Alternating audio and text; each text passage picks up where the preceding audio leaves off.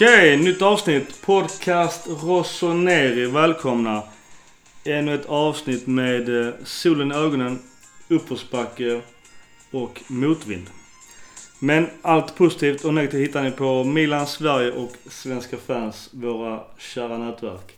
Vi har faktiskt som ambition att vara positiva i varje avsnitt. Men det är jävligt svårt när Milan och Gattuso spelar skit.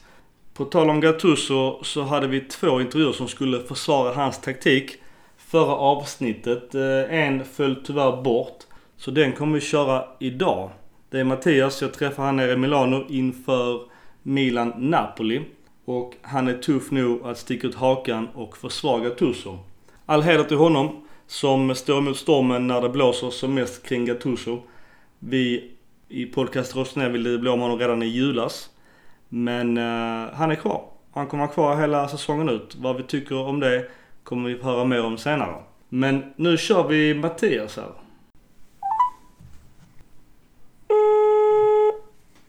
Mattias Lamell. Tjena Mattias Micke. Ja men tjena, tjena. Okej Mattias, du är den tuffe Braveheart som ger dig på Gattuso och ska försvara hans taktik. Vad har du spontant att säga om detta? I mångt och mycket, det jag vill börja med att försvara, det var väl att jag tyckte att han, han såg ut att få ihop ett lag och en själ. Alltså ett, ett lag som kämpar för varandra. Eh, det var det första jag tyckte, som man inte har sett tidigare under Montella och under tidigare. Så det känns, sett ut som att det är individualister som också är på tok för dåliga som att spela, vilket har gjort att man appellerar gång på gång. Under Gattuso så kändes det som att han fick igång Bakayoko, han fick igång Romagnoli, Donnarumma och eh, till viss del Zapata Musacci också. Så att han satte ju en stomme och en standard under... nu har det ju svikit på sista tiden, men under, ändå, ganska stora delar tycker jag ändå att vissa delar av spelet såg betydligt bättre ut än vad det gjort under, under många år. Då kändes det, i alla fall i tryggheten och försvarsspelet, uh, kändes det som att det var... Han satte rätt ett tag.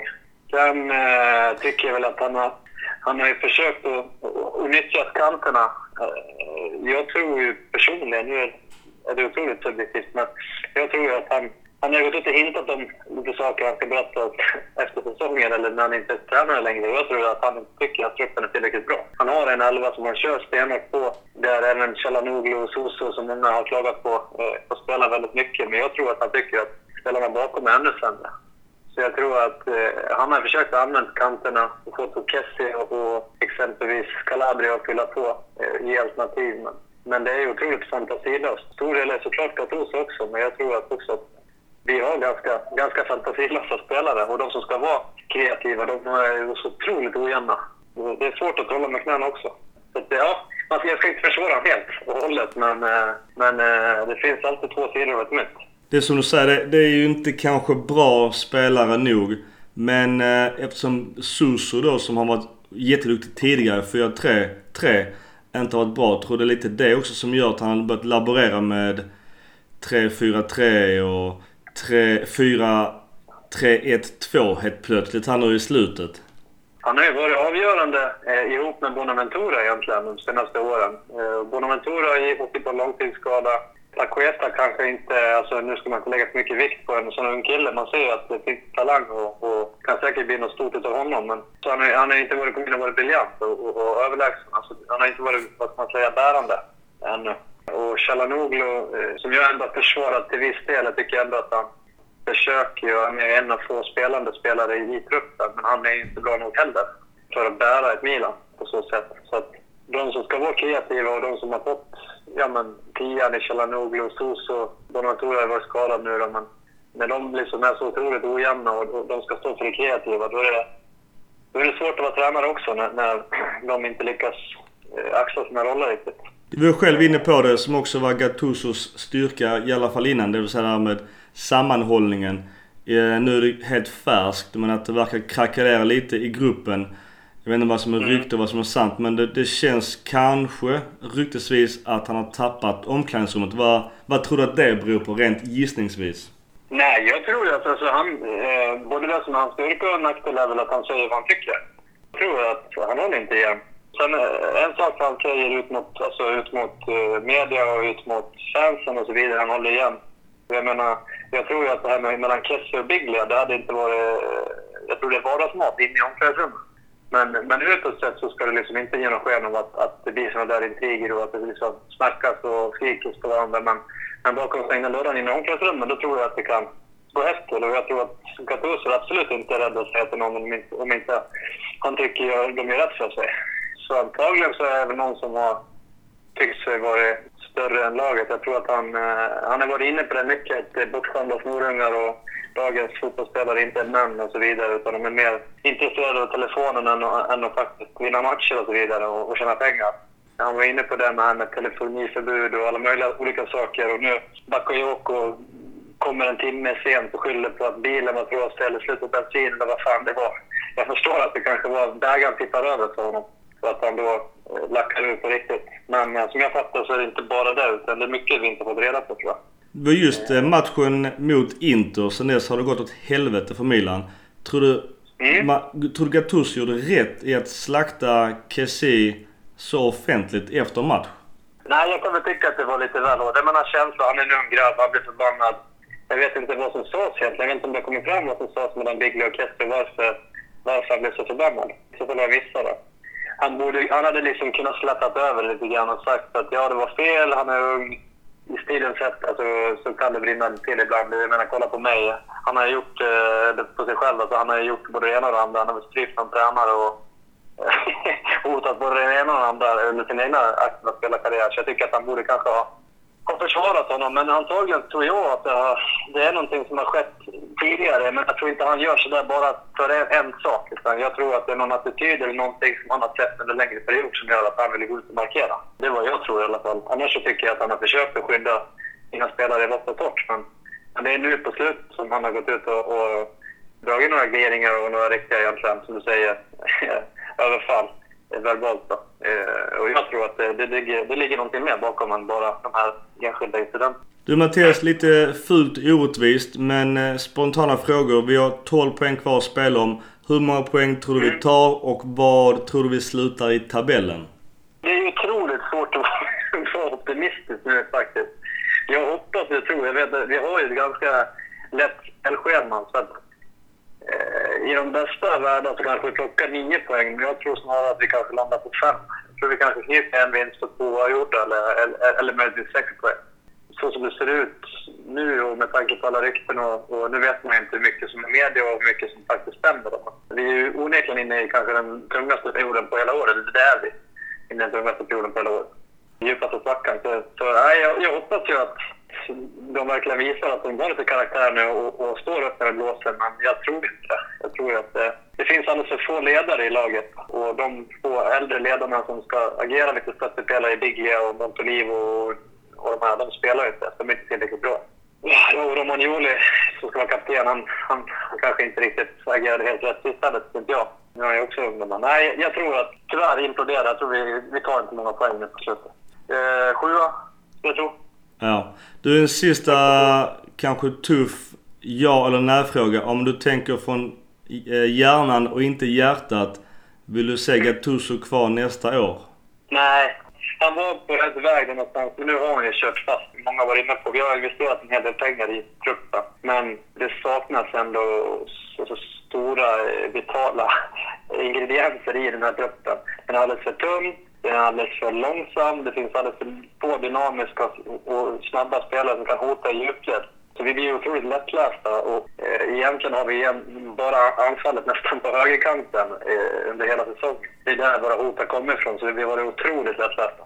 Så eh, vi behöver få in, i min värld så skulle vi kunna offra Soso, eh, Chalanoglu eh, och börja om från början där egentligen. Eh, om vi ska fortsätta spela 4-3-3 då. Vi behöver få in lite dynamik och lite fart och, och någon som kan göra sin gubbe och, och även hota i djupled så vi inte blir lika lättlästa och kan kontra lite mer också.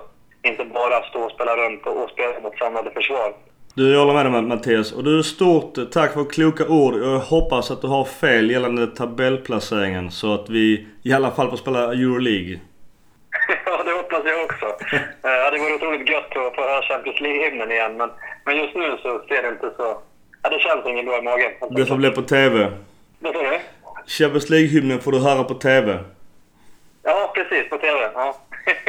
Men du, stort tack Mattias och vi håller tummarna sista fyra matcherna här. ja, stort tack själv. Och Tack fick fortsätt, fortsätt lyssna på oss. Jajamän, det vet du. Bra jobbat grabbar. Tack som fan, som sagt.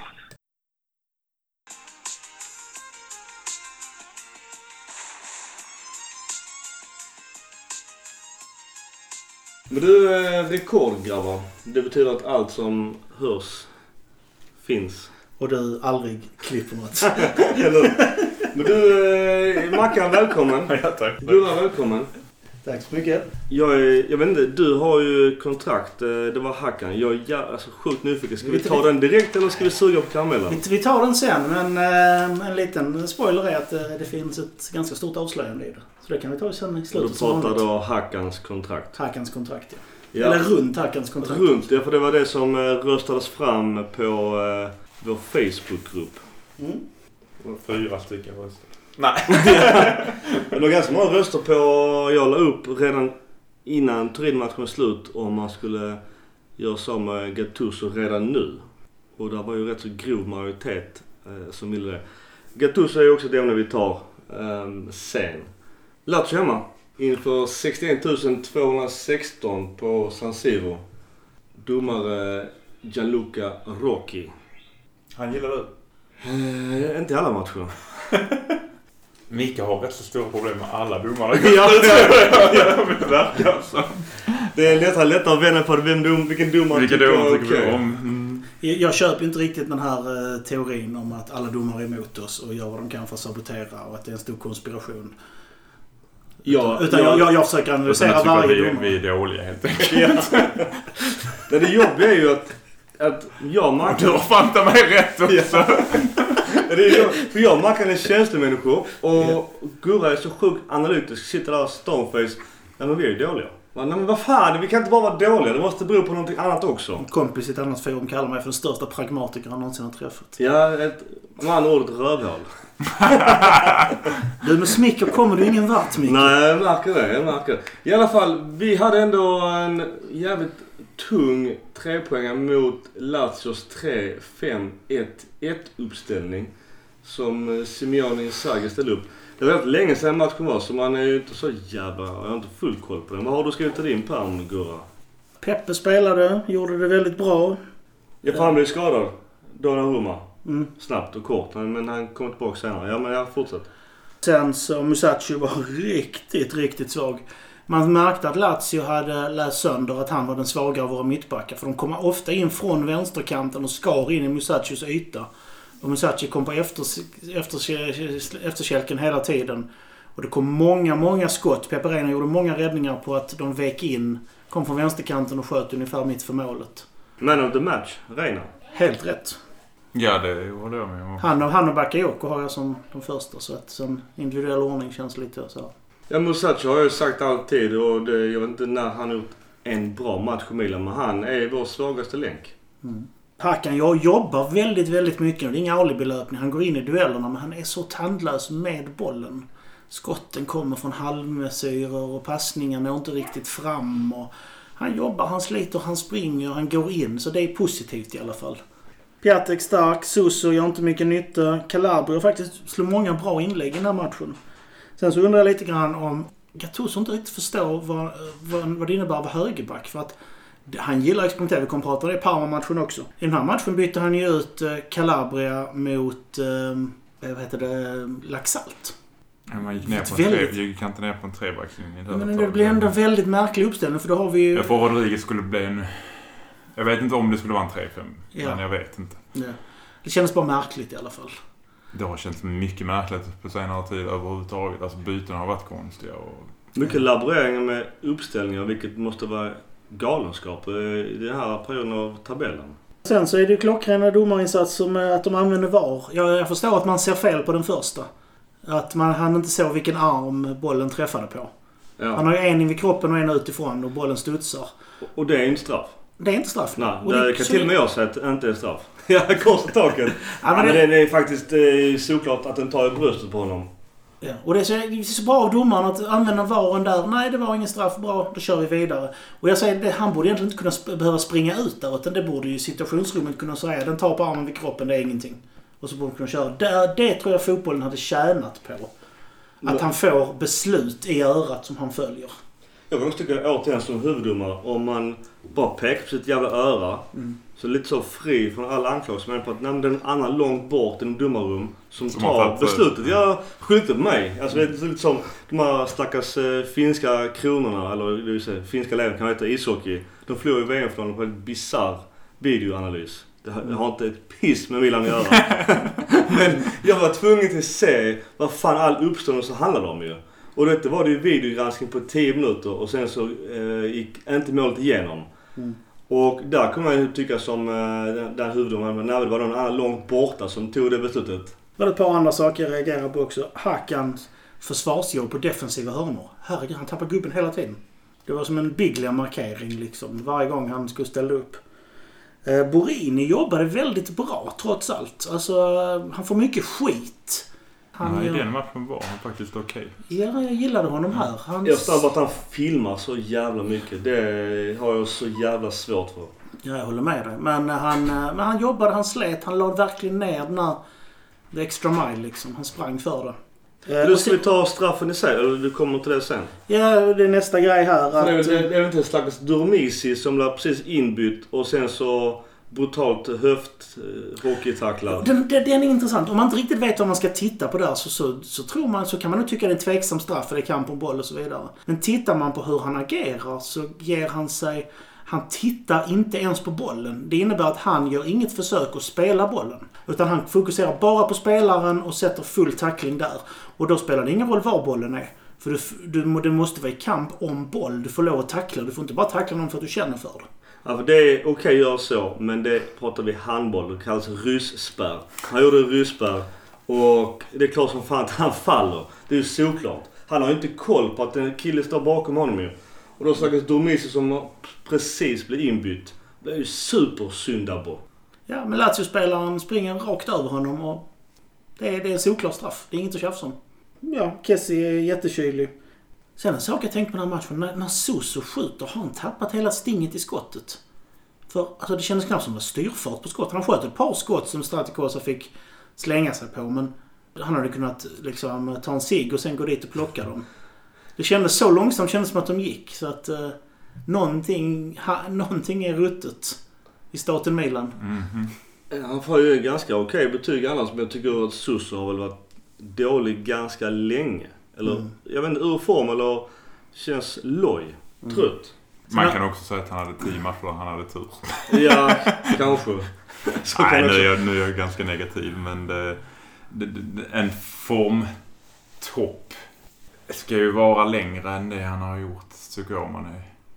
Den, det var ju kanske tio matcher om vi ska vara helt ärliga där han låg faktiskt i topp i Europa på assist och, och poäng. Då, då var vi oroliga för klausulen på 38. Precis, nu ska vi nog vara glada om vi får det. Exakt.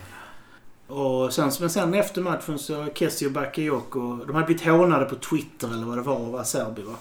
Acerbi hade ju börjat med, med det på sociala medier och Ja. skrivit att, att Lazio var ett bättre lag. Och då hade Bakayoko svarat att ja, vi får väl se på lördag. Och Ja. Sen bytte de tröja och så sen- sprang de med tröjan och... Där tänkte jag direkt efter matchen. Vad fan håller de på med? Var, varför har de Lazios tröja där? Och då, och då sen fattar man ju snabbt att det var ett Chadbys tröja. Som faktiskt är en gammal Milan-spelare som har en hälsohistorik som är ganska skrämmande. Som han har gjort fantastisk recover på. Mm. Eh, Så all heder till honom. Men sen så ja, alltså, det som ändå backar också. Detta blev ju sjukt mycket större. Men å andra sidan så kastar de ju verkligen eld. Eller bensin på elden. När de håller på med, med tröjan. De fick ju böter. Då blev det 86 000 Euro eller pund. pund måste det varit. Eller euro. Jag tror det är euro. Ja. Och det är ju ganska mycket pengar. Ja, sen ska historien vara bort. De, de överdrev lite grann helt enkelt. Jag tycker inte... Jag tycker de har målats upp som någonting mer än vad det är egentligen. Det tycker jag också. Många som kritiserade väldigt hårt var ju inte medveten om historien innan. Nej. Att, faktiskt Acerbi började. Och ger man sig in i leken får man leken tåla, tycker jag lite grann. Sen eh, gick han ju själv ut, Acerbi, och sa att det har ju blivit helt för stort det här. Det, det, vi har lagt det bakom oss. Ja. De Det är så idag med internet ju. Finns det där så är det kört. Ja. kan folk spinna det hur som helst. Precis. De, de, de, de gick över gränsen och fick sina böter. Sen ska man bara släppa det. och där får man nog säga att det bästa Musashi har gjort någonsin i Milan-tröjan var att gå och säga till dem att sådär gör ni inte. Ja. Ja. Var han som slet ner tröjan? Jag tror faktiskt Ja. att det var Musashi. Så Det är väl det bästa han har gjort i, i Milan-tröjan. Alltså jag är långt ifrån PK men jag tycker att det var fan inte okej gjort. Jag reagerar på det att det där kan bli problem och det finns ju ingen anledning heller återigen om man ska... Jag vet inte om vi ska äh, baka ihop äh, båda Lazio-matcherna, även cupmatchen och efterspelet. Att Cherby, Bakayoko om vi ska ta det en klump nu men det ger ju bara sån jävla tändvätska till matchen kort efter i kuppen där vi har dem i, semifinal och chans på vända titel. Ja. Det är ju så dumt ju. Att ge det, den tändvätskan till, eh, till Lazio. Ja. Det är bara att sätta upp den bilden i omklädningsrummet. Bara kolla grabbar, de gör, narr av oss. De, de skyltar vår tröja till eh, Kurva Syd och alla hånskrattar åt oss. Det är klart som fan att Lazio blir skittaggade. Ja, det är dumt gjort. Men jag tycker fortfarande också, som du Gustav, att det är helt för stor grej. De skulle bli avstängda matcher för det och sånt. Alltså det är... Det, det jag hade kunnat köpa, alltså böter känns lite, men de kan, de kan, så eftersom det inte har gått av planen, kan domaren fortfarande varna dem. Hade domarna varit medvetna om detta, varnat bägge två, tagit ner tröjan, problemet över. Och så får vi inte glömma vad som hände efter detta. När Lazio-spelarna började slåss med Milan-spelarna. Det var sinnessjukt. Och där var inget snack om någon avstängningar. det blev, blev ens kort på någon Nej. där? Så där, alltså jag tycker att om man då ser det i perspektivet vad som händer efteråt så är det här mycket mildare än att hoppa på någon och slåss efter matchen. Och där ska också Lazio-spelarna vara rätt så glada att det här händer med, med tröjan. För det enda bilden man ser på matchen det är just Bakayoko och Kessie håller uppe Acherbis tröja. Och rent, ja, det, det rör sig om, jag vet inte, två, tre sekunder. Mm. Men internet, en stillbild, pang och så sitter de där. Det, det går inte att ta ifrån dem.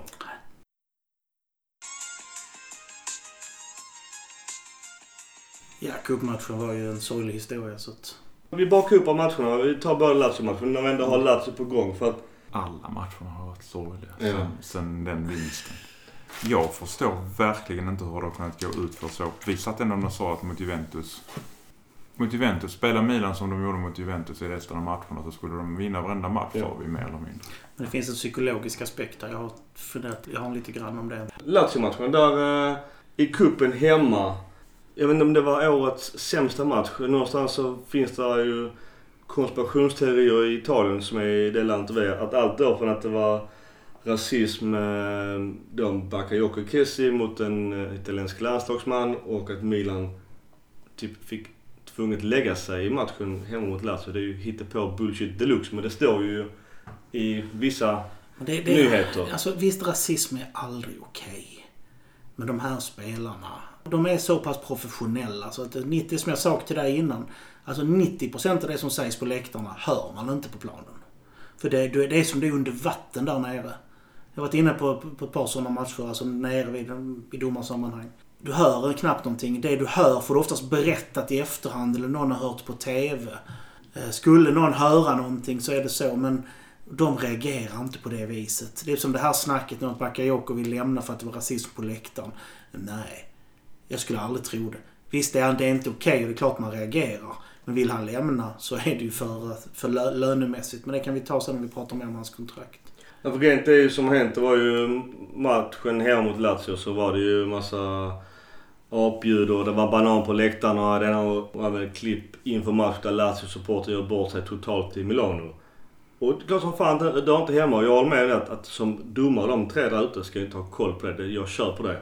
Men det som jag skrev i vår chatt att den fjärde domaren kanske borde höra det. Sen så kan jag också förstå det är inte lättare att blunda för det för att det blir jobbigt. Jag ska bara stoppa dig. Fjärdedomaren, jag har inte heller den uppgiften. Matchdelegaten på läktaren däremot. Det är han som ska ta det. Men han måste ju hört ju. Det är en annan Jag sak. kör på att det är lättare bara så här, vi låter det vara. För att det är redan så jävla stort. Ska vi dra det tre varv till. Vem vet vad som händer då? Och ska vi straffa dem för det ena och det andra. Vad ska vi göra i alla, alla andra matcher? Det blir jättesvårt. Och då är det lättare bara att vi låter det vara bara. Mm, men det är så mycket annat. Alltså vill man, vill man få bukt med det så är det nolltolerans rakt av. Matchen i sig. Mackan, har du någonting att säga om cupmatchen där vi åker ut mot Lazio 1-0? Att jag är väldigt glad att jag jobbade samtidigt så att jag inte kunde titta på hela matchen för det jag såg var inte något jag ville säga. Det var, det var, jag tror det var det sämsta jag har sett i år. Och då har ändå Milan varit dålig i många matcher. To the lunch! Ja, det var... ja, ja, ja, men det Blanche är ju ändå... Olympiakos var de Olympiakos också. Ja. Eh, Korea gör ju ett ganska snyggt mål. Och eh, ännu en gång gör vi en skitdålig hörna som inte leder någon jävla vart. Utan det blir en kontring och de kontrar in rättvist 1-0. Och vi är alldeles nära att kvittera. Vi var inte ens nära att göra mål innan dess heller. Och inte efter heller. Det- kom kommer liksom inget tryck. Det enda positiva, jag vet inte om det är bra eller dåligt, men Mattia Caldara spelade ju faktiskt i matchen. Och vad jag vill minnas så åt den till det du sa, att Gattuso laborerar. Nu var det 3-4-3. Och bara så här, vad fan, vad, vad var nästa? 1-9-1. Alltså, Alltså, vi är inte i en situation där vi ska laborera. Vi är i en situation där, det ska vara, där man ska få hitta trygghet, man ska hitta stabilitet, man ska hitta linjer. Inte byta uppställning eh, som ett lotteri varje gång. Utan det är inte konstigt att det går som det gör när spelarna inte känner någon trygghet i spelet. Det jag tänkt på just att nu eh, SMS, Milinkovic Savic, han åkte upp på en hemsk skada ser det ut som. Och efter det blev ju Lazio bättre och tog över spelet helt. Jag menar, Milan byter in, ja, Calabria går ut. Han är ju borta hela säsongen och missar även U21 EM. Så det är ju skittråkigt för honom. Och ja, nu även Conti skadad så nu, nu står vi där med Abate. Ja. När vi har fyra tuffa matcher kvar. Så att eh, den kanten känns ju Ja. katastrof. Nej, nej, nej. I Gattusos uppställning kan vem som helst spela höger. Ja, Ja. Borini har Ja. gjort ett antal gånger nu på senare tid. I alla fall inte som första. Utan under bytena, under matchen igång med bytena får han gå ner och bli högerback. Från spelat. vänsterytter. Det är också en jävla konstig grej. Castillejo har också spelat högerbacken på Ja, det blir ändå det.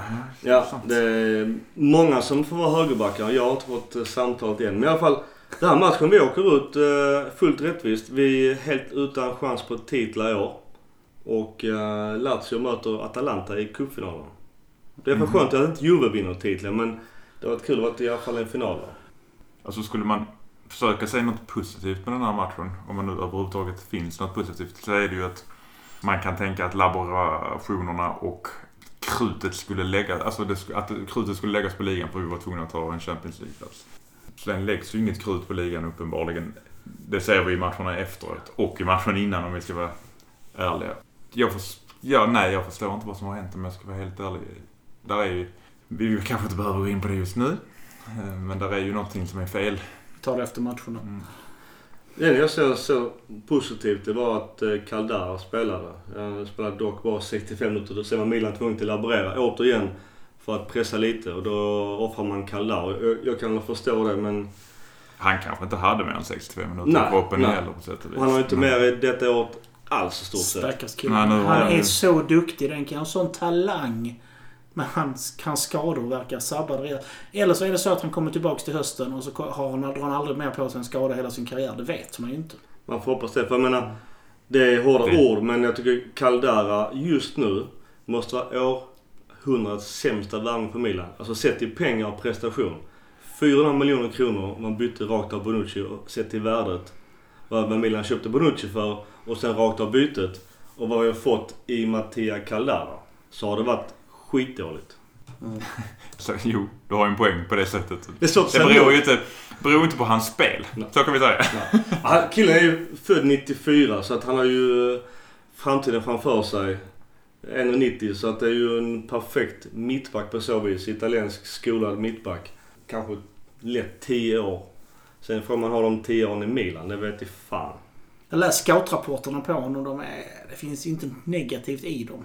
Han har ju inte haft problem med skador innan heller egentligen. Nej, det är ju det som är det jobbiga. Ja. Först, det han, först får han pungbrock och nu drar han en hälsena var det va? Är det, alltså, är det något fel i träningsmetoder eh, för Conti? Han hade inte heller varit skadad så mycket innan. Mm. Eh, var väldigt duktig i Atalanta. Kommer till Milan och är skadad ett och ett halvt år. ja. Gattuso hade ju uttalat att han skulle köra hårdträning med spelarna. Det är lätt att nu i efterhand, för jag tyckte ändå när man såg på diskussionen om transfer och Leos tankar kring det, att då är Mattia Caldara det bästa valet. Men ska man vara efterklok som lätt som fan och sitta med, med facit i hand, så kanske Rugani eller kanske Benazia. De hade gått rakt in i Milan och kanske gjort en hel säsong. Men det är som du säger Gurra, Caldara kanske gör 10 år i Milan därefter, det vet man inte. Då Det kan ju funnits en tanke på långsiktigheten i, även innan Gazidis kom in med, med ungdomar. Eller yngre spelare. Ja. Rugani och Caldara, det är ju hugget som stucket känner jag. Jag tror faktiskt att Caldara är den bättre av de två. Blir han bara med skadorna så tror jag att han kan vara riktigt bra riktigt länge. Det fanns ju ett annat lag som hade något att säga till om också. Juventus kan inte släppa vem som helst.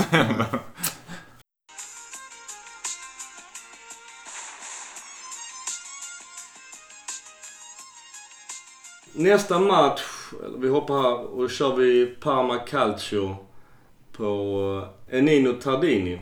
20 018 på plats och Paolo Valeri, inte min favorit heller,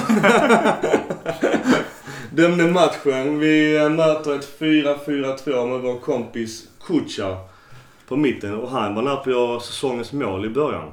Hög spark hade aldrig hade, borde varit indirekt frispark. Tror du det? Herregud, han sparkade precis vid ansiktet. Det blev ju ingen frispark. Nej, men det, men det var för, nog för att det gick utanför så bara lät de då vara. Ja, okej. Jag hade ja. aldrig kunnat släppa den höga sparken. ja, det var ju fantastiskt annars ju. Ja, ja, ja. Problemet är ju att varken Zapata eller Romagnoli vågar gå in med huvudet där för att han sparkar. Ja, nej, jag hade inte heller gjort det. Kucha, där hade jag... Ja, jag brukar gå in med dobbarna för men där hade jag nog fan ställt mig åt sidan när Kucha kommer. Den här matchen såg jag ju i Göteborg med, eh, på Spot-On. Ja, med Svonko och grabbarna. Svonko och grabben. Grabben, ja. De, eller ja, det Det var var en tidig match. Var inte det en sån Ja, 12 12.30? 12.30 på Mm. påskafton. Så, jag, så att jag köper att det inte var så mycket folk där. Men vi hade jättetrevligt. Kul att träffa er. Och vi eh, lyckas faktiskt göra mål i 69 minuter. Samo Castellejo, blixt från klar himmel. Det, där är det väl SOS som ändå gör en assist. Han gör assist. Han gör det riktigt bra. Sen, sen så funderade jag på om det var skott eller inte. Men det var nog... Jag tittade på den Men flera jag tror nog gånger. att det var en assist. Det var Det riktigt känns som att fin- träffade Castellejo. Han är ju ingen känd nickspecialist. Men det var ett hårt inlägg. Hade Soso slagit sådana hela säsongen så hade vi haft Higuain på 25 mål nu. Ja. Men det var ett hårt, riktat, rakt inlägg som kom perfekt i huvudet. Castillejo gör en supernick på den. Alltså den var ett hög, alltså riktigt högklassigt mål. Vi kan säga också att eh, Zapata och Donnarumma är tillbaka i startelvan. Borini fortsätter. Det är väl nog just på grund av Paketa har ju varit skadad. Så Canuglu och Håkan då har ju gått ner och spelat mittfält. Och där tycker jag ändå att han inte är dålig som han är som vänsterytter. Nej, men jag märker hur han börjar tappa när, när, det börjar närma sig eget straffområde. Det blir tydligt här också, samma sak som jag sa på innan, att han... Lite biggliga tendenser nästan. Att han går inte riktigt in, han fullföljer inte i försvarsarbetet. I mittfältsjobbet gör han det fortfarande bra. Han går in och försöker, men han är något halvt steg efter så fort det kommer till försvarsarbete. Han är ju inte en tvåvägsspelare. Det är väl lite det som gör att Gattuso kanske vill spela honom som en vänsterytter för att han är så dålig defensivt. Mackan, vad har du säger? Parma 1-1. Bruno Alves, den gamla portugisen, gör ett drömmål i eh, 87 minuten såklart. Så att man hoppas på att fan nu ser det ändå ganska okej ut. Två vinster i rad ligan kanske har varit kvar på fjärdeplatsen. Precis, det trodde man och önskade. Det var ju inte påsk, det man vill ha i påskägget direkt kanske. Nej. Men eh, om man ska säga något positivt så var väl ändå en Zapata bra. Jag fattar inte riktigt varför Musacho fick ta över den platsen. Zapata var ju riktigt bra i Det är den det jag menar. Alltså, jag Alltså- förstår inte hur Musacho kan ta det från honom där. Också Han gjorde ju ett par... Var det inte där han gjorde en räd? Ja, ja. Och även att han plockade bort Gervinho totalt. Ja. Som ändå skulle vara den snabbe, heter det, gardinen. Precis. Han, han, ju- han hängde med Gervinho ganska lätt i Mm. varje löpning han tog. Han är ganska snabb Zapata. Jag ser gärna att Milan förlänger med Zapata. Särskilt också nu när Caldara är skadad. Så vi slipper se Musacho en hel säsong till. Ja. Men vi har lite åsikter om högerback. Det var väl just den här matchen. Ja, det här är jätteintressant. Conti börjar spela högerback. Sen byts han ut och så byts Castillejo in och får spela högerback. Och sen går det ett tag och sen så byts Borini in. Jag brinner i startman. Ja, nej förlåt. Sen, men sen byts... Vem är det som byts in på slutet? Det är Biglia. När Biglia byts in så får... Så går Hakan upp och så får Borini gå ner på högerbacken. Och Castillejo flyttar upp. Ja, det, var, det är jäkligt märkligt det där eh, bytet. För det första är det fel att byta in Biglia. Som- Alltid fel att byta Ja. Biglia. Jag sa det. Jag Ja, det sa det. Ja, ja, ja. ja. Du skrev det i chatten. Ja. Och jag, jag, jag satt också och sa det när vi var satt på kollade att jag, jag får känslan att snart jag Parma mål. Och så kommer Biglia in, skiter i sin gubbe, säljer ut Borini fullständigt så han är tvungen att fälla dem. Får de ett frisparksläge som är ja, ja, lika snygg som Biglias frispark. Ja, det är fantastiskt. Det är otagbar frispark. Mm. Alltså man ser där, där får man också någonstans återigen pekar pinnen mot Gattuso. Var fan sätter han Borini som högerback? Han laborerar, alltså matchen, det ska ju vara stängt. Gamla Milan går ju inte att jämföra men det man minns annars i Italien. Stod det 1-0 och det har gått 80 minuter. Då var matchen slut. Det var stängt. Det fanns ju ingen chans. Det var bara antingen ställa bussen eller, eller bara döda matchen på ett grisigt sätt. Men här så väljer Gattuso att spela Borini som högerback och han gör ju en jättekonstig kapning på, eh, kommer inte ihåg vem det var i Parma. Men sen är frisparken en, en drömfrispark. Alltså utöver där så tycker jag faktiskt att Borini när han spelade där uppe gjorde han faktiskt en habil match. Vann mycket boll och fick fram den och grötade. Sen en annan som ska ha stor cred den här matchen det är Donnarumma. Jag tycker det är en jättebra match. Ja för de, har- det är ju ändå 12-15 skott. Ja, när Donnarumma gjorde en bra match. Mm.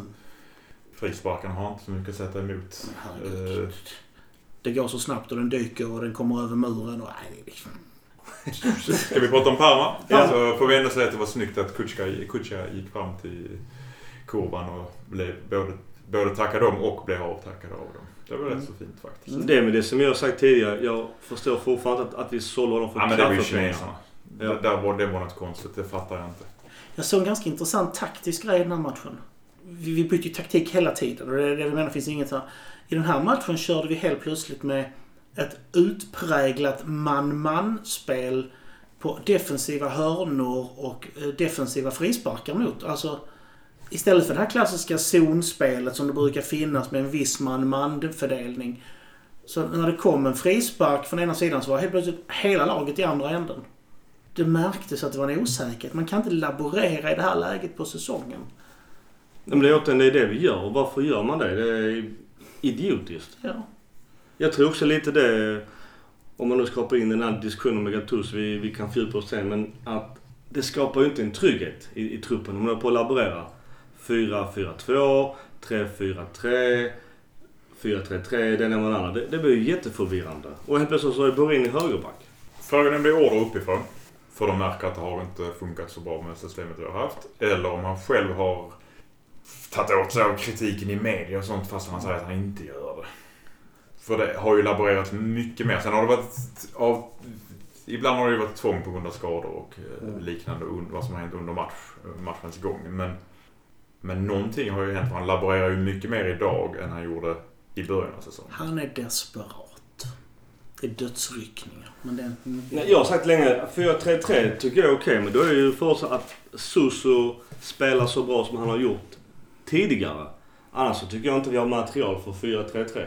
Det är ju knappast... Eh, alltså om man jämför med till exempel Ajax 4-3-3. Nu, nu sitter alla och följer på Ajax och ser hur bra de är. Och där ser man någonstans, ja men det går att spela 4-3-3 och ändå dominera på alla, zon, i alla zonerna.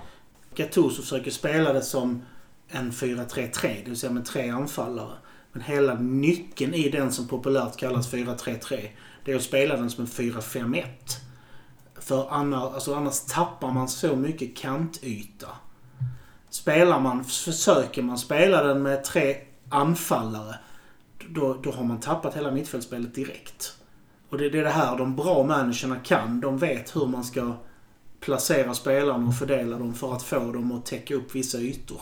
Ja, Parma, om man säger ja, 1-1. Eh, vi återigen kan inte leverera fast vi har 660 passningar mot 508. Det vill säga nästan 60% bollen. Vi äger matchen på så vis men vi kan fortfarande inte leverera mycket nog. Vi har bara tre skott på mål. Vi får aldrig ut något. Vi är ineffektiva. Vi får inte ut någonting av, av spel och bollinnehav. Nej. Pluspoäng här. Rodriguez offensiva spel helt plötsligt. Han slog jättemycket bra inlägg och crossbollar och så vidare. Det var inte bara defensivt jobb. Jag tror han har blivit tillsagd det. För jag tycker jag har märkt tendenser till det de, ja, efter Juventus-matchen.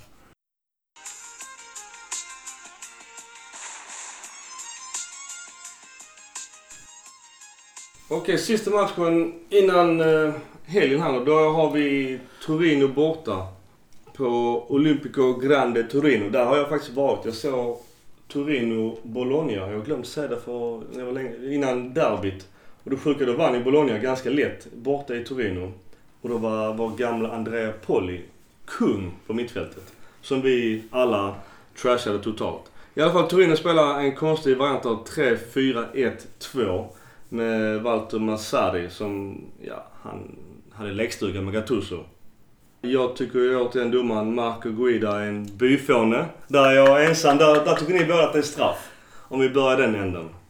Kessis eh, lilla smekning i ryggen. Klantigt men Det är klantigt. Det är jätteklantigt. Men det, jag tycker, tycker ju att det skulle varit straff i situationen innan. Innan Musaci han Mm. river ner Ja. Belotti tror jag. Ja. Alltså problemet är det Kessie gör, att det är så jäkla orutinerat. Du får sätta upp handen i ryggen och känna, men trycker du så begår du en, så begår du en förseelse. Han sätter upp handen i ryggen och trycker till. Och, sen, och bara det är en frispark. Sen att han kanske förstärker anfallaren. Och det, det är det här, det här som Micke alltid stör sig något fruktansvärt på. Ja, det är ett regelbrott att förstärka, men det tar ju inte bort förseelsen från Kessie. Så att ska man hårdra den här situationen som vi har sagt så många gånger innan så ja, straff. Kanske gult kort på Torino-spelaren för att han förstärker. Men straff är det, det kommer vi inte ifrån. Jag vill säga det. Att eh, de bara, okej okay, du ska ha straff, fair. Du är ändå ett rövhål. Men du ska fan ha kort också. För du filmar. Du, du är en vuxen karl. Du kan inte trilla som en liten flicka när du bara för att du har minsta kontakt. Då, då kan man inte säga att fotboll är en kontaktsport. Det är, det är väl löjligt. Ja. Sätt upp på en handbollsplan och du kommer alla ben brutna i kroppen i så fall. Men i alla fall, ja det är straff. Jag, jag, kan, jag, jag vill ändå säga att det är bull. Men eh, jag kan inte heller säga att det är fel. Eh, Men jag gillar inte stilen. Men mål två, där står ju Musacho som en riktig byfåne igen. Men, det, men han... Har han han varit något annat? Jag vet inte. Det alltså, det, vi kan ju börja i början på matchen som vi sa innan. Det är märkligt att Zapata är petad. jättekonstigt. Han var ju, han var ju bäst på plan i förra matchen i, i, i Milan. Och så blir han petad av Musacho här. Den har jag väldigt svårt att se. Men lite, varför, varför frågar en Gattuso? Hur tänker du? Parma, ja det var inte bra 1-1 bara. Men återigen, Zapata var ju... Han var bättre än Romagnoli och ändå blev han petad. Don't kill your darlings. Alltså Musacho är lika varmt honom om hjärtat, honom i hjärtat som Hakan är. Och det sjuka är just Musacho. Att Gattusos första när han tog över Montella och en bra bit in. Då var han ju monsterpetad. Han spelade inte en minut. Nej, men Musacho borde haft assist här tycker jag. Den snygga nicken han lägger, lägger till... Han lägger dem bara rakt Ja. ut. och Rakt ut. Och han är oattackerad. Ja, det, det. Om, om nu Gattuso vill ha sina, som han har gjort för byta ut folk så fort de har gjort ett misstag. Det hade varit ett sånt misstag. Du, på tal om petningar. Piontek, också petad inför Torino borta. Är det rätt eller fel? Mackan? Ja, Piontek har ju inte gjort mycket de senaste matcherna men det är ju knappeligen hans fel. Det är... Han har gjort mycket men han har inte gjort mål. Nej, alltså så. Han har har ju inte fått det understöd han behöver. Så att det... Jag vet inte, jag tycker... Jag, jag tycker. Jag tycker det är fel. För jag tycker att Piontek är en komplettare anfallare i dagsläget än Cotrone. Eh, Cotrone är möjligtvis jobbigare för han är ettrig som en jävel alltså helt enkelt. Han springer ju mycket och, i bakhasorna på, på alla sina motståndare. Så jag- där på det sättet Ja. kanske jag kan förstå det. Men hela, om vi bara ska säga, det, där är ju ingen lagkänsla i det laget som ställdes upp mot Turin. Det, det var ju helt galet. Så alla, ingen spelar med varandra. Och Paqueta som jag önskade skulle komma in och kunna göra lite skillnad så vi inte bara förlitar oss på våra yttrar. Han var jätteoff. Han var jättedålig. Och det skrev jag också Och gnällde. Ja. Det sa han fick ju kort tidigt. Jag sa att antingen får han kort eller blir utbytt snart. Precis, och Gustav sa precis samma sak tror jag. Ja. Alla gnällde. Och detta är nog första gången jag har hört Gustav hålla med kommentatorerna på Strive. ja. Och de var ganska För de hade, helt, de hade faktiskt. helt rätt i Ja. allt de dissar Milan om i den matchen. Och det tar emot att säga det. Men de hade ju rätt. Ja, alltså så som de var uppfört. Det var ingen balans. Men det var som jag skrev till er där också att här var det så tydligt att Gattuso har tappat truppen. För man uppför sig inte så här på en plan om man har förtroende för laget, känner laglojalitet, har förtroende för tränaren, för spelsystemet och känner sig bekväm. Här var någonting som var ruttet. Precis. Och jag undrar, än en gång, hur har detta hänt på mindre än en månad? Vi har ju fallit som en sten. För det, så, om du jämför den här matchen och jämför med, mot Juventus, det är som natt och dag. Men det är som vi sagt innan, Juventus var, var nog en topp. Titta matcherna innan. Vi hade ingenting, men vi fick resultat med oss. Helt plötsligt så gör vi en bra prestation mot Juve. Och då tror man väl att ja, nu kanske vi fortsätter göra bra och den havererade fullständigt. Och att Romagnoli blir utvisad, det... Han borde utvisad till långt tidigare. Han gnällde väldigt mycket i den matchen. Och så får man inte uppträda som lagkapten. Men det är också Ja, tydligt. Guida nu är- tröttnade ju. Det som är konstigt, för vi kommer ju till, till orsakerna senare, men många säger att Bakayoko är den som kanske skapar lite eh, störningar i laget. Ryktena säger det. Han var ju ändå bra. Och Om, man, nickade nu- om vi nu jämför med alla andra Ha. spelarna i laget så var han ju faktiskt ganska bra och hade rätt många lägen som var nära att bli mål. Han var ju klart bäst i Milan och Nick i ribban. Precis, så att... Har jag och de betygssättarna på Who, Who Scores två, samma två bästa spelare i Milan. Bakayoko och Rodriguez. Det är sällan det händer. Mm. I den här så märkte vi också det här med de här eh, att Donnarumma inte får tjonga bollen. Nej, den, vad är det för konst? Varför? Det måste, alltså det har hänt så många gånger nu det är så tydligt. Det måste ju vara coachdirektiv. För det är ju måste- vansinnigt. ja. Han ska tjonga den men ja, det märks på honom får att han inte. får inte. Mm. Så ska han försöka göra någon kortpassning och så går det bara åt helsike. Visst, han är laglojal och gör vad tränaren säger men Men återigen har vi nästan 60% boll och ändå förlorar matchen taktiskt ganska överlägset. Är det liksom lite så? Nej men låt ni ha boll för ni gör ändå ingenting vettigt. Varken på hörnor, fasta eller spelmässigt. De har ju läst, de flesta lagen vet ju ungefär hur Milan spelar idag. Så det är inte, där är ju inte, det kvittar ju om vi sätter Borini på högerbacken. vi spelar en boll till Susu och sen så får han göra någonting och sen så samlar vi upp resterna och så försöker vi igen. Okej, för man får inte ta ifrån Torino att de gjorde faktiskt en bra match. Belotti sprang ju, han var ju Ja. besatt. Ja. Men de jagar ju Champions League-platsen nu. Den, Ja, absolut. Och, och det här är skillnaden. Här märkt. Här är ett lag som är balans. De har bra stämning i laget. De, de gillar sin tränare. Han har fått med alla på samma spår. De jobbar mot samma mål. De här är livsfarliga. Och du- underdog dessutom. Mm. Och andra. För de, är- de är allt som vi inte, vi inte är. En eh, spelare som jag skulle, skulle vilja se Milan om nu Rodriguez kanske lämnar eller kanske även Laxalt. Är, ju- men det är Ansaldi. Han kommer nog kosta en hel del pengar men jag tycker varje gång jag sett Torino spela så har han varit jävligt ja, han var duktig mot Milan. Ja. Ja, han är ju så 32 så det är kanske inte jätteaktuellt att köra på honom då men... Men annars eh, Torino, va, vi byter in Castellejo, Piontek och Borino igen. Va, de gör ingen skillnad men laget är ju helt under isen. Jag sa det, jag tror jag sa det till er i tionde, tionde minuten någonstans, att någonting stämmer inte. Och redan där kände jag att det här kan inte gå hem. Går det här hem så är den största eh, skrällen på hela säsongen. Nej, alltså det gnälldes ju från minut ett. Mm. På allt och på varandra och... Men Den se- enda som inte gnällde så mycket, utan det var ju faktiskt Cotrone. Han har ju nog ett Milan-hjärta som är ju. Kanske för stort för hans eget bästa. Nej, men... Silgo gör ju en, ytterligare en okej räddning. Så där, vet, du, där tror man att, ja men... Ett visst hopp men eh, Milan var ju faktiskt aldrig nära. Tor- Torino vinner ju rättvist. Ja. Det, det är ingenting att säga. Rätt lag vann. Milan borde inte ställt upp den här matchen. Det lämnat VM. men alltså så, så ur balans är truppen. Och redan här skulle Leonardo, Maldini, Gazidis insett någonting.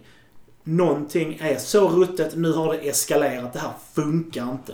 Tyvärr Gattuso. Du blir tjänstledig resten av säsongen. Någon annan, om det så är Leonardo eller någon, tar över resten av säsongen, försöker rädda poängen, försöker få ihop gruppen och så jobbar vi in det sen. För att komma ur det här är jag skeptisk till att Gattuso är rätt person. Bara därför vinner de 8-0 imorgon. Men Leonardo var ju inne i omklädningsrummet efter matchen och var tydligen vansinnig. Men jag vet inte fan det hjälper för att återigen på tal om omklädningsrummet. Jag tror ju att Gattuso har tappat det.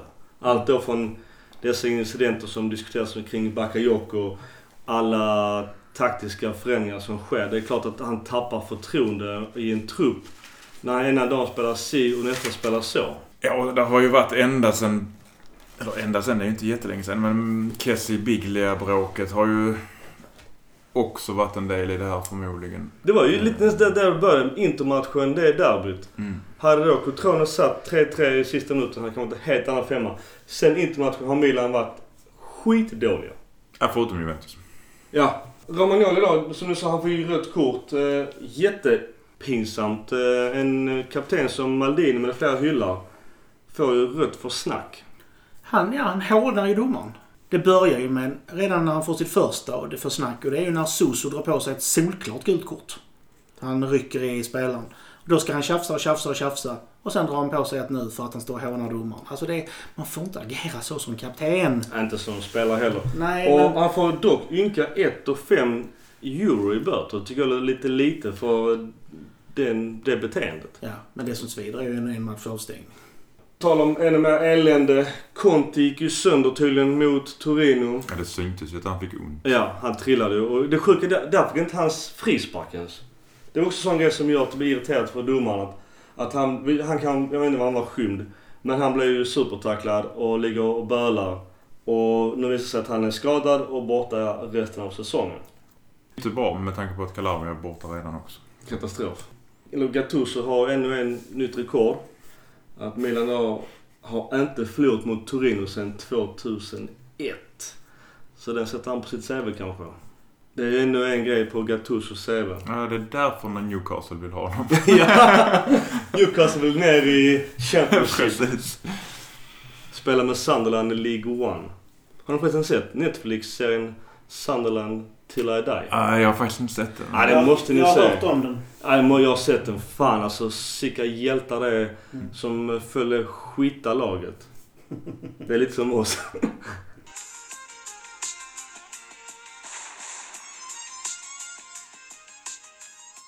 Ja, så vi glider in på Gattuso då. Anledningen då till att han inte verkar få sparken det är att en, en, gammal Milan-spelare, knappast en legend, men Giunti är ju coach för Primaveran. Han har ju varit skitdålig. Så det är inte han tog på det. är inte han tog honom ju. Det är ju inte saken piss bättre. Donadoni som också var diskussion om att kanske gå in och ta över nu. Ville då ha ett kontrakt som även i så fall går över nästa år. Och det verkar inte Elliot med flera Gazidis ett piss intresserad av. Så det, där finns inga val. mer Brist att- på alternativ. Brist på alternativ. Så de får bara säga vi får gilla läget och då, då har vi kvar Gattuso. Alltså rent psykologiskt är vi på botten. Han är inte rätt man att reda ut detta. Och då ser vi eh, ännu en spekulation när man ser Conte på läktaren mot Torino och sitter och suckar. Och skakar på huvudet Ja. när, vi, när vi släpper in 2-0. Suckar och skakar på huvudet bara han ser spelet ju. Det, Ja. Ja. Det gjorde vi alla andra också ju. Men, ja, han håller inte ens på Milan. Nej, Juventino. men en stor del som kommer fram nu, vi har ju hela den här grejen med Bakayoko nu. Och det, det hänger ihop med detta. Att han, han kom för sent till träningen tydligen för att hans bil gick sönder. Om jag förstod det rätt. Det är i alla fall hans han ursäkt. Ja, det det är han hans Men, men oavsett om det var så att han hellre gick på krogen eller vad det än är. Vi ska aldrig få reda på detta. Det här, han ska komma dit, in genom lyckta dörrar. Han och Gattuso, kanske ledningen, ska prata om det, reda ut straff och allting. Och sen ut. Och utåt sett säger man, hans bil gick sönder, nu kör vi. Om någon har sett honom komma. Det här förbaskande läckandet vi har sett under hela säsongen. Det är ett sån brist på ledarskap. Det var som när bråket mellan Kessie och Biglia. Han slaktade Kessie där ja. Man gör inte så. Och det Fast det här här... läcker Jag tror... Men, Du måste tänka, du måste inse att där står alltid journalister utanför Milanello. Ja. Kommer Bakayoko en timme efter alla andra. Mm. Och de kör retriever som de ska göra nu. Då uppfinner de en grej. jo men då ska Det här, inte... vi vet ju inte om det är anledningen. Mm. Det, det, har ju inte, det har inte kommit ut från Milan att Bakayoko kommer sent, därför, därför ska alla vara på retrieve. Ja, men då ska ju Milan visa en gemensam front utåt. Gå ut och säga Bakayokos bil gick sönder, vi har koll på läget, men vi har hållträning nu för att vi måste vända detta. Men Istället- du menar att de ska dementera det? Ja. Möjligtvis, ja. Man Eh, visar upp det utåt. Och det Ja, här... möjligtvis. Samtidigt så tycker jag att man går ner på deras nivå och man ska, ska behöva dementera varenda jävla rykte i media. Nej men en sån här grej river ju sönder truppen. Precis som Biglia För och jag, här. jag, kan, jag kan säga så att det finns inte en chans att de håller hela laget i retriever i fem dagar för att Bakayoko kommer en timme sen. ja Så måste vara något det. mer. Det måste vara något annat Det, bakom. det, och, det, och vet du vad anledningen är? Såg ni matchen mot Torino? Ja, ja. Det är det som är anledningen. Mm. Det är ingen lagkänsla. Nej. Och det är lite det Gattuso har byggt sitt, sin roll Så på. att den här Bakayoko-grejen, givetvis kan Bakayoko vara någon, ha problem på något sätt i truppen. Om han skapar problem eller ledningen tycker inte om hans beteende med Acerbi-tröjan eller whatever. Men det är inte det som är anledningen till Nej, men sen går ju Milan ut och säger att Bakayoko fick, fick ju böter Ja, för, det var snack om 30 eller 90 000 euro. Det är ju svinmycket för att han kom för sent till träningen. Ja, och det är ju... Alltså, även 30 000 är ju jättemycket pengar. Jag tror att det är så här, eh, att det, det var ju inte första gången han kom för sent. Nej. Och det står ju säkert i hans kontrakt Ja, ja. vilket böter som man kan få. För att annars så går ju inte en spelare med på böter. Nej. Det är ju inga godtyckliga böter för de här kontrakten har ju agenterna suttit och snickrat ihop. Alltså, det, det här är ju, det är ju förutbestämt. Kommer du för sent sju gånger så ska du få 90 000 euro i böter. Det hemska är bara det om Bakayoko nu vill bråka sig bort för att han har varit jävligt duktig och var bästa spelare. Och han vet att det är många andra klubbar som vill ha honom. Där som vi är inne på innan, att de kan betala hans lön. Som inte Milan kan erbjuda honom. Men fan bråka i så fall efter dessa fyra matcher. Låt vi ha en viss harmoni så vi kan ta Champions League, det kan ha kört nu, men i alla fall Euroleague. Och sen bråka bort det. Eller säga Milan är ledsen, jag vill inte ha ett skita kontrakt. Precis, men som Gustav sa i vår chatt att han behöver ju inte tacka ja till Milans erbjudande. Nej. Är, Chelsea måste tacka ja till Milans erbjudande om de köper ut honom. Men han behöver inte godkänna ett kontrakt jag menar, kommer Real och bjuder och får ett bud godkänt av Chelsea. Då kanske de får betala 50 miljoner euro istället för 35 Precis. eller vad det är. Men sen handlar det om vem bjuder bäst kontrakt. Var vill han spela? Real Madrid eller Milan? Real Madrid ger honom 700 000 pund i månaden och Milan ger honom 350 000. Alltså, det är ju helt... Det handlar om Bakayoko. Och jag håller med dig. Gör, har han nu kommit sent så mycket? Han ska ha sina böter. Det ska bara damma in. Men vi ska aldrig få reda på varför han får böter. Vi ska inte ens få reda på att han får böter. Gattuso på frågan har, har Bakayoko fått böter? Så ska klubben säga det är interna frågor, de löser vi. Det skapar massa skit. Och kommer ut till fansen att det är oroligt i truppen, då, då slår det tillbaka. Alltså, tror- det är en ond spiral. Det blev jävligt konstigt i truppen då som Gattuso ville vara lagbyggare. Och det har ju också sagts tidigare att alla mår bra i truppen, det är skitbra sammanhållning. Om nu skulle vara så att allt var all good så kan det knappast vara all good idag. Resultaten går skitdåligt. Våra konkurrenter tar poäng och gruppen i sig på plan gör ju bort sig fullständigt. Det är klart som fan, som du sa Mackan, det osar ju katt. Alltså ge mig någon form av psykofarmaka så jag kan leva med detta. För just nu är Milan så jävla dåliga och det är fyra ångestmatcher kvar. Och vi är just nu sjua i den jävla tabellen. Jag vill, nu tycker att jag sitter här och käftar emot men det kanske är min roll idag då. Allas roll. Det brukar vara min. Så vi blandar nog gärna ihop eh, vad vi läser, för vi läser jättemycket Milan. Jag läser jättemycket Milan i alla fall. Klart. Och jag antar att ni gör det. Det gör vi alla. Att det står på Football Italia att reportedly har eh, Bakayoko kommit för sent och fått det här. Det betyder inte att Milan går ut och säger det officiellt. Så att vi kanske inte ska riktigt säga att Milan har gått ut officiellt och sagt att han ska få böter. För jag tror faktiskt inte att de har gjort det. Jag är rädd att vi läser så mycket med. så att vi blandar Ja. ihop det lite. Det är inte omöjligt. Men någonstans så känns det som att klubben bör ju släcka de här bränderna framför allt med tanke på Absolut. hur situationen är nu. Absolut. Eh, Men Och- jag och- och tycker så- ju att Milan borde kört retriever efter Parma. Och sen Gattusos track record av att hänga spelare som blev väldigt tydligt eh, efter eh, Kessie Biglia. No, ja. så, Någonstans så, så känner man att det här, det här kan mycket väl stämma. någonstans kan man ju tycka att det är lite uppfriskande med en, en ärlig Gattuso. Men jag håller med om att det är ju inte bra för laget. Hade vi legat tvåa, konkurrerat i toppen, allt hade varit bra, spelet hade Precis, flutit hade haft- varit positivt. Och en sån här grej, då kan han säga jag tycker det här var fel, nu ska det här... Och du hade pang, haft flera spelare på positionerna som kan konkurrera om det. Så är det en annan sak, jag håller Ja. med. Du, vi bara glider, på tal om rykte, det blir ju mycket rykte såklart. Eh, Det florerar såklart massa tränarnamn. Första är då Maurizio. Sarri. Nästa rykte är då eh, Gasperini, som också har gjort det jävligt bra och det verkar vara en favorit för Gazidis. Och sen så Eusebio Di Francesco, DJ.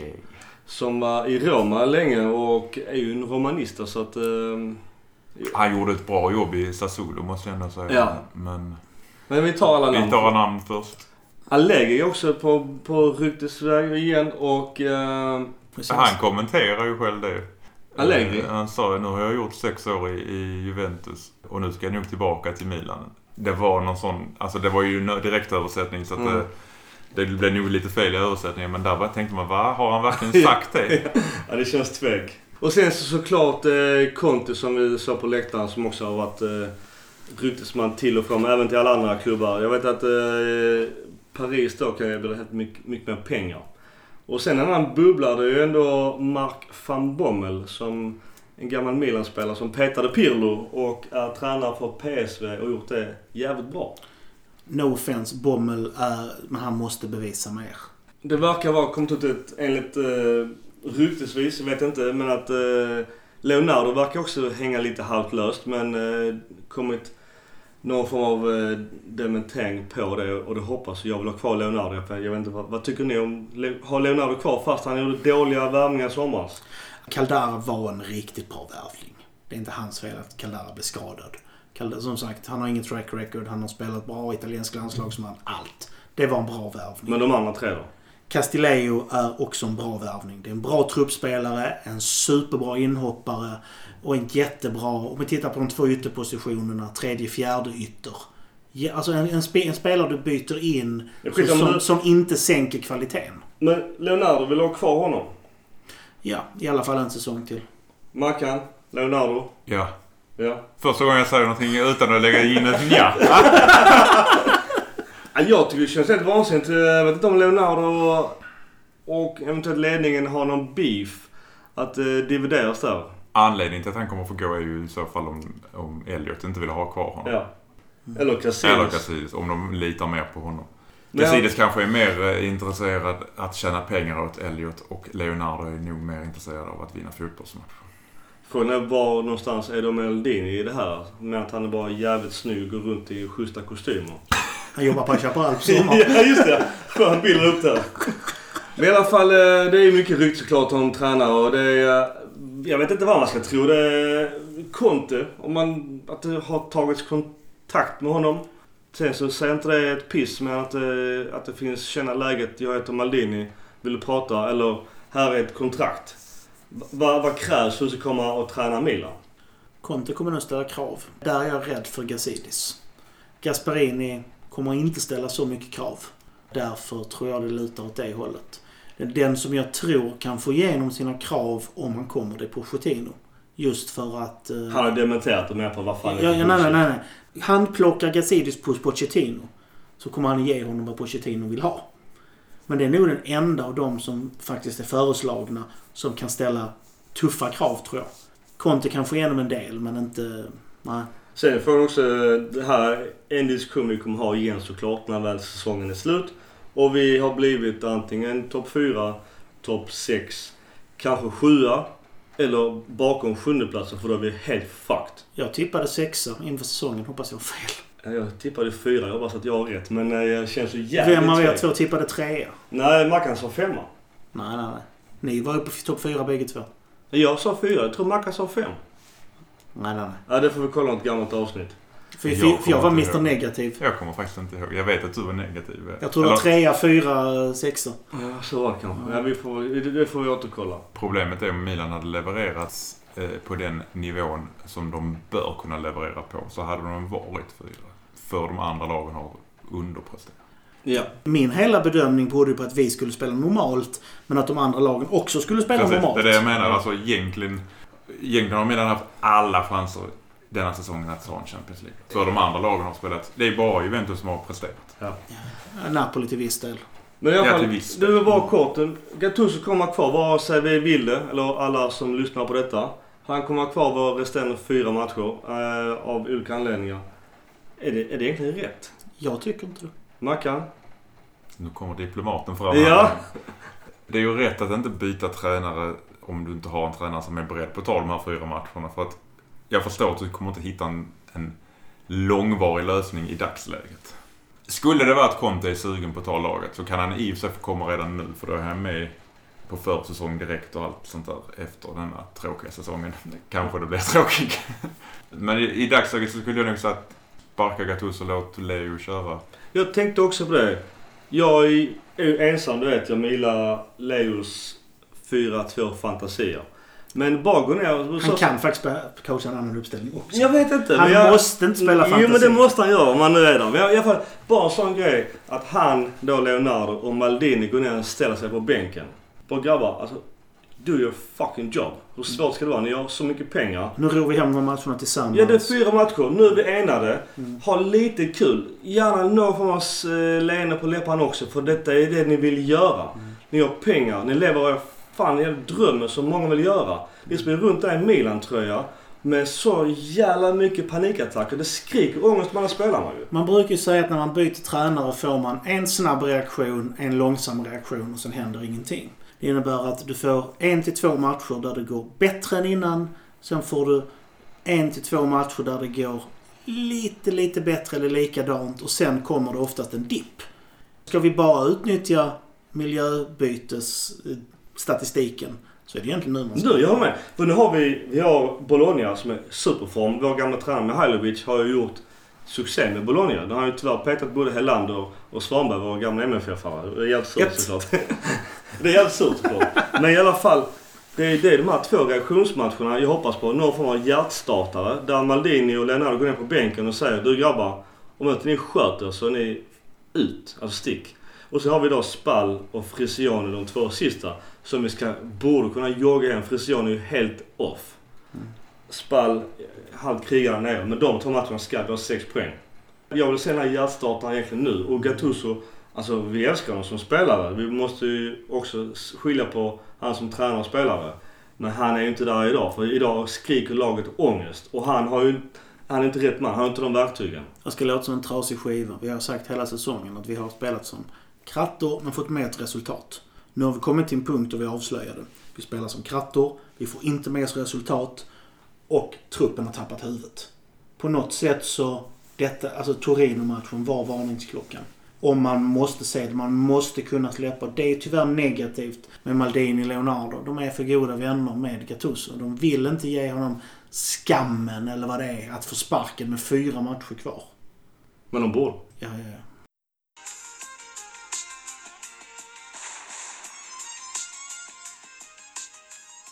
Men vi kan väl i alla fall vara överens om att vi behöver en, en tränare och inte en före detta spelare som tränare. Ja, vi behöver en... De kan ju vara före detta spelare men alltså Jo, de har men- haft erfarenhet som tränare en längre tid. En Sarri, Ja. en Conte, en Pochettino, en Gasparidis.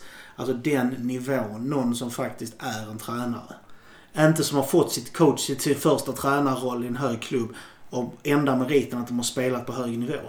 För på något, någonstans så kommer verkligheten ikapp dem. Men om vi säger Van Bommel som han har gjort eh, bra jobb i PSV. De spelar bra i Champions League. Spelar igen, slår, tar poäng mot Inter till exempel. Där förresten Higuain ryktas till, men det är bara en parentes. Men han har ju ändå inte gjort bort sig. Sen är ju holländska ligan en helt annan nivå. Även om Ajax visar hela världen idag vilken nivå de håller. Alltså det är en fråga också om hur mycket pengar man vill satsa på eh, nästa säsong. Vad vill Elliot göra? För det, det handlar ju rätt mycket om det. Det kändes ju i julas, eller vinteruppehållet, vintermarkaten, att det faktiskt fanns en, en vilja att satsa på laget. För det gjordes ju någon, för, i relativa termer, ganska dyra inköp. Ja, det var ju 700 miljoner Ja. kronor. Och det var unga spelare vi satsade på. Som Det kommer fram nu att eh, förresten Piontek kostade 33 miljoner euro. Enligt Plus bonusar va? Ja. Men det är ju en fråga. Tar du in Pirlo som tränare så kanske du inte riktigt satsar på Champions League nästa år. Nej. Eller Xavi som äh, lagt av Som nu. lagt av. Men tar du in Conte så satsar du ju... Ja. Även Sarri. Och de två är lediga. Så det Sarri är väl inte... Det är bekräftat att han kommer att lämna. Är det bekräftat? Ja, han har, hans agent har gått ut och bekräftat det fall. Jag vet inte vad han har för kontrakt som Och det är också i- jäkligt dumt att göra om man nu heter Chelsea. När man faktiskt har chans att ta en Champions League-plats. De är inte överens om filosofierna. Det ska mycket till om eh, Sarri får vara kvar. Men jag tror Ja, inte... jag tycker bara det är konstigt gjort. För Chelsea slåss ju definitivt om en fjärde plats. Varför går man ut med detta nu i så fall? Det känns ju konstigt. Ja, men eh, det, det har varit så infekterat så länge så att... Sen kanske jag tycker att om man utgår från dagens trupp i Milan så har, är det inte rätt material för Sarri. Nej, det, det ser vi ju i Chelsea där han tar världens bästa defensiva mittfältare och sätter honom som offensiv playmaker. Kanté. Ja, Kanté. Men Sarri är den jag är mest tveksam till. Men de andra känns ju som enormt lyft uppåt. Mm. Jag har också velat säga, jag har glömt namnet, han som tränar Monaco som gick tillbaka till Monaco. Jardim. Jardim, ja. Vi hade ju möjlighet att få honom i januari. Ja, det, och det, då sa vi redan där och då. Då kunde vi redan skutan där då. Men ja, fine. Fuck it.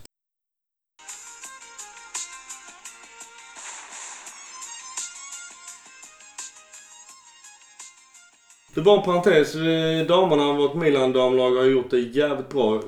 De, kom eh, topp tre i ligan och eh, Valentina Giacinti 21 matcher, 21 mål.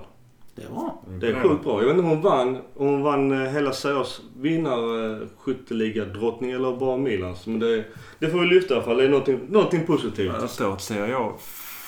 Hon blev Serie A topscorer, så hon Ja. vann skytteligan i... i Serie A. ja, I film. dam-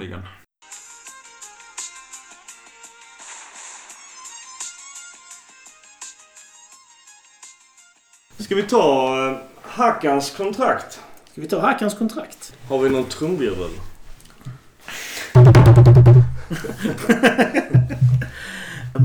Hakan med det turkiska efternamnet värvades för 19,25 miljoner och eh, skrev på sitt kontrakt 3 7 2017. Och kontraktet är skrivet till 30 i 6 2021. Han får totalt eh, 2,2 miljoner i eh, lojalitetsbonus. Det innebär att ungefär 44 000, allt, allting är pund vill jag bara säga. Det innebär 44 000 pund i månaden för att han är så snäll och stannar kvar i Milan och spelar ut sitt kontrakt. Det, han får gärna slippa det. Mm. Han har en lön på 346 000 pund i månaden. Det innebär att han har 187 000 efter skatt. Det är en hygglig Det är månadslön. jättehögt. Sen utöver det, i bonusar, så får han 12 000 pund per match som han spelar, som han startar. Och han startar varje match. Så Ja, det är mycket ja. pengar. Och så får han 4 000 per match som han sitter som avbytare. Eh, Där han inte blir inbytt då, för då går det upp till 12 000. Han får 8 000 pund per mål, så det, det, det, var ju billigt i år i alla fall. Ja, är noll väl typ. Han har gjort ett mål. Ja, väl Dulange. Och sen så för varje landskamp han spelar med Turkiet får han också 5000 pund. Vad fan ska han ha det för? Varför ska Milan betala? Ja, ja. Det handlar ju om att han ska prestera så bra i klubblaget att han, blir, att han kvalificerar sig för landslaget. Men Milan spe- vill ju helst inte att han ska spela Nej, landslaget. exakt. Ja. Så det är hans kontraktsdetalj. Det finns inga officiella klausuler eller något sånt. Sen så har jag faktiskt fått bekräftade uppgifter på att Hakans agent har skickat ut en förfrågan till klubbar i England och Tyskland om någon vill köpa honom. Och alla skrattar.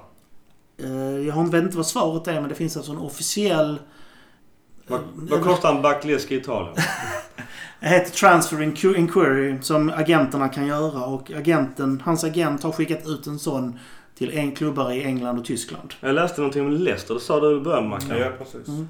Men De det måste har ju tufft. till en del klubbar i, Bundesliga Ja. innan Och, detta det brukar vara steg ett i att antingen har spelaren fått reda på av klubben att han då han kommer att säljas och då börjar de reka redan nu. Eller är det att de tänker antagligen lämna in en transferbegäran. Då bommar han ju sina, sin lojalitetsbonus. Så det vill han kanske inte göra. Det handlar om kanske en- 1,5 miljon pund. Okej. Alltså det är inga stora pengar som är kvar. Men eh, skickar han in den så bränner han lojalitetsbonusen. Å andra sidan kommer, kan han få ett bättre kontrakt någon annanstans kanske. Det sjuka var väl just Gattuso som, om man nu tror rykte, som sa nej i januari att, eh, var det inte Red Bull, något av Red Bull-lagen som ville köpa honom? Jag vet inte, Red Bull har något av de här uh, pissiga läskelagen vill väl köpa Någon, honom? ja, Frankfurt har väl också varit och dragit till honom. Jag tror Har fan... Men frågan är ju bara om Milan hade någon möjlighet att få tag i någon hyfsad ersättare vid den till, det tillfället. Vadå? Primär- Primären är full med bättre spelare? ja, jag ställer upp annars. Du talar om Frankfurt. Såg ni deras tifo i år? Ja, det var vackert. Sinnessjukt. Att, han har, att hans agent faktiskt aktivt jobbar för att hitta en ny klubb är, är ganska intressant i sammanhanget. Ja, jag klagar inte. Det är jättebra. Och det är sällan de här uppgifterna släpps. Så att... eh, Mm, det, jag tror inte det är släppt någon annanstans. Det så finns i sjön. Det kan till och med vara så att det är världspremiär på den uppgiften här. Coolt. Mm. Då hoppas vi att det är det för det första. Och att eh, någon av lagen hoppar på det tåget. Mm. Jag vet inte, kan vi få tillbaka de pengarna vi har lagt, lagt på honom? Ja, han är ju ung fortfarande så det kan du nog få.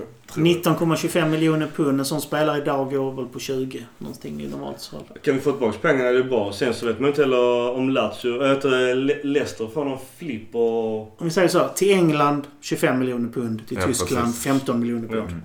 Där någonstans ligger det. Och får mer pengar i England så det är win-win för alla inblandade om man går till England. Men honom i Premier League. Nej. Herregud. Nej, nej. Nej, det, det blir bänken. Det är någonting annat positivt kanske, beror på hur man ser det. Det vänta lite, vadå? Han är frisparksspecialist. Ja, just det ja. Det har han gjort. Precis. Men Milans eventuella nästa års tröja är släppt. Eh, Betydligt smalare ränder. Usch, jag gillar inte det. Mackan, vad säger du? Du var rätt tydlig vad du tyckte om det. Japp, jag gillar de breda, fina. Jag får ju säga att den är... eh, Vi har ju ändå varit lite oroliga för Puma eh, och deras design. Den, jag tycker den är... Den är ju bra mycket vackrare än Juventus skapelse och Inters skapelse måste man ju säga. Alltså den är bra mycket snyggare än den pinstripe-tröjan som när Zlatan spelade senast. Den som Micke älskar. Åh, den är fin. Den är bra mycket snyggare än den, men det är fortfarande inte Milan-ränder för mig. Ja, jag gillar den som fan. Ja, jag jag jag saknar Adidas-ränden, det är lite det. Jag, men jag gillar att det är mörkare rött. Och För- inte den ljusa röda. Jag tycker... Jag håller också med. Lite mer åt det mörka eldhållet. Men eh, nuvarande har väl också någon form av eh, rand uppe på axeln väl? Du har väl det någon av flikarna?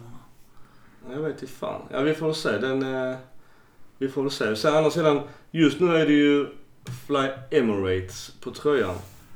Vi får väl se. Det kanske blir, eh, om man ska spekulera, med eh, Elliot då som har, och Paul Singer som har gått in och totalt slaktat eventuellt Sydkorea och eh, någon deal med Samsung. De vill claima hiskliga 718 miljoner Dollar. dollar.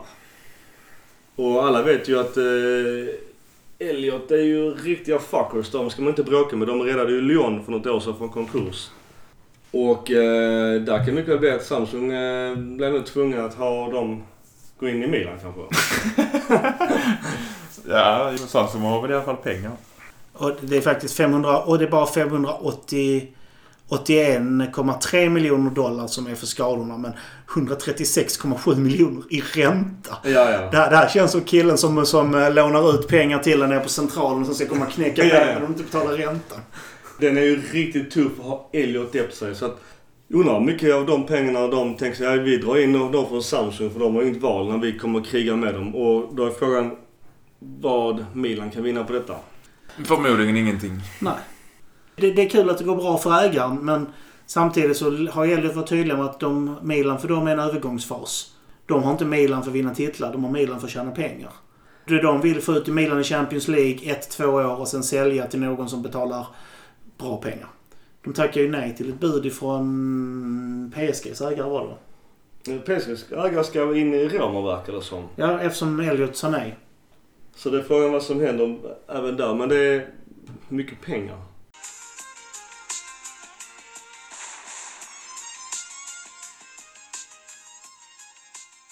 Vi möter ju eh, lite ångestframkallande Bologna som som eh, Mihailovic och deras 4-2-3-1-spel.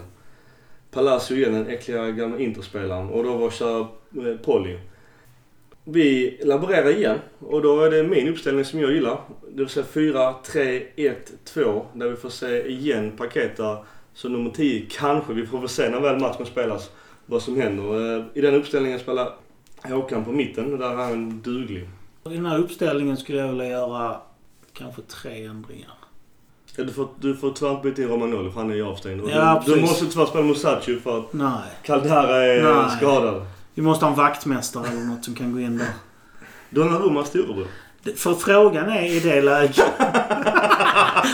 frågan är faktiskt re- rent krasst om det inte skulle vara smartare att ta in Laxalt på vänsterbacken och sen Rod- Rodriguez som mittback.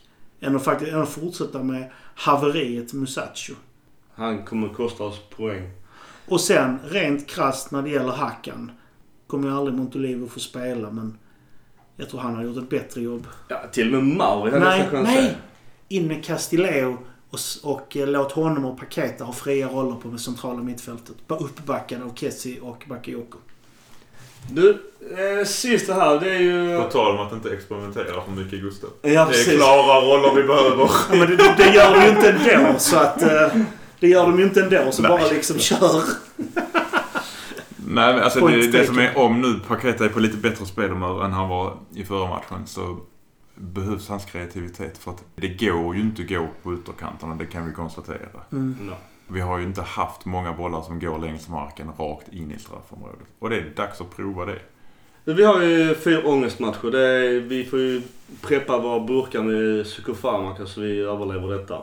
Eller kanske behålla vårt hår på huvudet. Vi har kvar Bologna, Fiorentina, Frisiano och Spal. Inter, de är ju egentligen redan klara så skitsamma dem. Atalanta då har Lazio, Genoa, Juventus, tyvärr redan superklara. Och Sassuolo. Roma har Genoa, Juventus, Sassuolo och Parma. Turin har Juventus, Sassuolo, Empoli, Lazio. Lazio har Atalanta, Cagliari, Bologna och Torino. Mackan, vad tror du vi skrapar ihop på dessa fyra ångestmatcher och vilka poäng tar vi dem mot? Det enda jag kan utläsa av detta är att det är nog... Det har nog aldrig hänt innan, men jag kommer hålla på Juventus. ja, fy fan. Vad Milan skrapar ihop på det här. Juve möter alla utom Lazio. Ja. Och oss. Värsta Juve, de skiter kanske i det. Ska du tänka på det? Jag, jag kan inte säga ett bra svar på det där, för Ja. att eh, hjärtat vill ju säga 12 poäng. Ja, precis. Men, gärna- Men om man tittar på Torino-matchen så skulle jag säga 0 poäng. Innan, innan Torino-matchen sa vi får glada om vi tar 6 eller 7 poäng.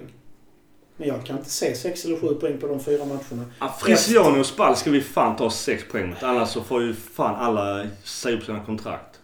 Men det som jag säger, den här Fiorentina borta, den är ju jättetuff. Bologna är i form. Jag vet inte, jag, jag, jag, jag säger fegt nu 8 poäng av de 12 och jag tror fan inte det räcker. Du tror vi tar poäng i alla matcher alltså? Ja, jag tror, jag tror, ja, ja. Men det, jag vet inte om det är för att jag är dum i huvudet och sjukt naiv och jättefärgad. För jag vet inte, jag kan inte säga det med hjärnan. Det kanske är hjärtat som spökar där. Nej, jag- som sagt var det är jättesvårt. Hade du lagt upp de här fyra sista matcherna efter Juventus-matchen hade jag sagt 12 poäng. Ja. Hade du, lägger upp dem efter Torino-matchen så säger jag... eh, Vinner vi en match där så är jag glad. Fyra eller fem poäng. Den är tuff. Men du, okej. på tal om den här ångesttabellen nu. Vi ligger just nu sjua. De fyra första går till Champions League. Femman, sexan går till Euroleague. Och cupvinnaren går till Euroleague. Och då har vi Atalanta och Lazio i cupfinal. Atalanta, vi, vi visste allting kan hända. Men vad händer om vi blir sjua och en av cupvinnarna, Atalanta eller Lazio, blir före oss och den andra efter oss? Räcker det att vi blir sjua då? Har- Om inte det har ändrats från i fjol så får Milan spela i Europa League. Sexan, Kval, kval. sexan går in i andra kvalomgången. Den som blir sexa i serien. Cupvinnaren går in rakt in i gruppspelet i Euroleague. Femman går in i gruppspelet i Euroleague. Om cupvinnaren kvalificerat sig genom ligaplacering till Champions League eller Europa League så går cupplatsen till sjunde placerade som går in i andra kvalomgången tror jag det är. Precis. Andra den är rätt tuff. Eller andra eller första eller andra. Ja, ja, mm. Jag tror det är andra. Andra Och då är det tredje och sen playoff. Ja. Shit, det är lite ångest. Fan Det är det hela sommaren. Ja. Det är ju det eh, Galliani inte ville göra för han tjänar mer pengar på att spela... Eh, Precis. Ja. International Champions Cup. När mina polare retar mig som är MFF för att de har bättre ranking än Malmö. Eller Milan. Det är ju... Men det är inte så konstigt. Det är Det inte så det- Europa-ranking. Ja, inte Man ranking. måste... Nej, Europa-ranking. Nej, man, man måste ju spela i Europa för att kunna hamna högre på rankingen. Det är inte mer med Men det. det gjorde vi den här säsongen. Det gick ju... gick ju sådär. Men det vore helt bisarrt om vi återigen faller som en sten eller just nu är kvar på botten i, för oss botten, det vill säga sjunde platsen. Med konstgjord andning ligger vi sjua i ligan. Vi förtjänar inte att ligga där så som vi har spelat. Vi har åkt ur i en grupp i Euroleague med Betis, Olympiakos och Dudelange. Som ingen visste vad det var. Nej, nej, nej. En- Den enda ljuspunkten är en semifinal i kuppen. Den här säsongen, alltså det, det, det, det är ett sorgebarn. Vi eh, kommer ju slakta beroende på var vi hamnar men vi, jag ska försöka för en gångs skull vara lite positiv. Det är jävligt svårt just nu. Men det är fyra matcher kvar. Och det här superångest att eh, där med truppen. Någonstans vill man ju naivt återigen hoppas på att nej men nu är det ett helvete. Vi är på botten. Vi är helt fucking värdelösa. Nu måste vi ändå samla oss. Även om många kommer dra till sommaren, fine och fair. Men nu måste vi ändå lite hedersmässigt göra någonting åt detta för att folk sitter och skrattar åt oss just nu. Så min, min naiva, naiva förhoppning är att de samlar sig och går in och trycker in 12 poäng. Det kommer inte hända, men jag måste ändå säga det. Jag måste tro på det i alla fall. Ja. Nej men alltså klart man hoppas. Alltså hoppet är ju det sista som ja. överger. Tar Det är klart man hoppas. Det är, annars håller man inte på sitt lag. Nej. Men där är, det är väldigt lite realism i det. Mycket. 12 poäng. Ge- Har vi tur så ger det en fjärdeplats. Ja. Jag säger att vi måste ta minst, Vi kan ta 15. Så då- ja. minst 8 poäng för att ha chans, ens ha chansen på fjärdeplatsen. Det frågan är lite så, hur gör Juventus? De är redan klara. De är ur Champions League, vilket är jätteskönt att- att Ajax hade lekstuga i Torino. Det var ju fantastiskt att se. Men kommer de gå fullt dessa matcherna? Klart de kommer. Några matcher kommer de göra det i alla fall. Tror du det? Eh, Ja, alltså derbyt Derbyt kommer de göra de, det. ja. Jagar inte de poängrekord förresten? Eh, Jag tror... Ja, det får de gärna göra. Fine och fair. Jag tror de... eh, Oh, vänta nu här. Är inte de på nära poängrekord i Serie A? Det vet jag faktiskt inte. Det tar vi när säsongen slut. Men du, sista Mackan. Har du någonting att säga? Har du någonting positivt att ta med till framtiden? Eller nästa avsnitt? Hit and shit? Hit and shit, ja. Har vi någonting där? Jag har faktiskt en ganska rolig hit. Ja, shoot. Eh, om ni tittar på matchen vi spelade mot Lazio, den vi vann med 1-0. Såg ni vem som satt på läktaren där? Galliani. Galliani. Och när vi inte fick den straffen, första straffen den som inte var straff. Han stod upp, han skrek, han hytte med näven. Han var helt vansinnig. Det Milan-hjärtat var kul att se. Men han har Han är på många matcher. Ja, Ja. men just, just den hur Ja, han levde ja, sig in ja, ja, på. VIP-läktaren. De andra satt där som räddade ut Ja. och han hoppade och skrek och vevade. Eller kan han göra så nu för att han... Nu är- kan han göra det. precis. Ja, ja, ja. Men Det det, var, det var kul att se. Ja, det men han är ändå skön.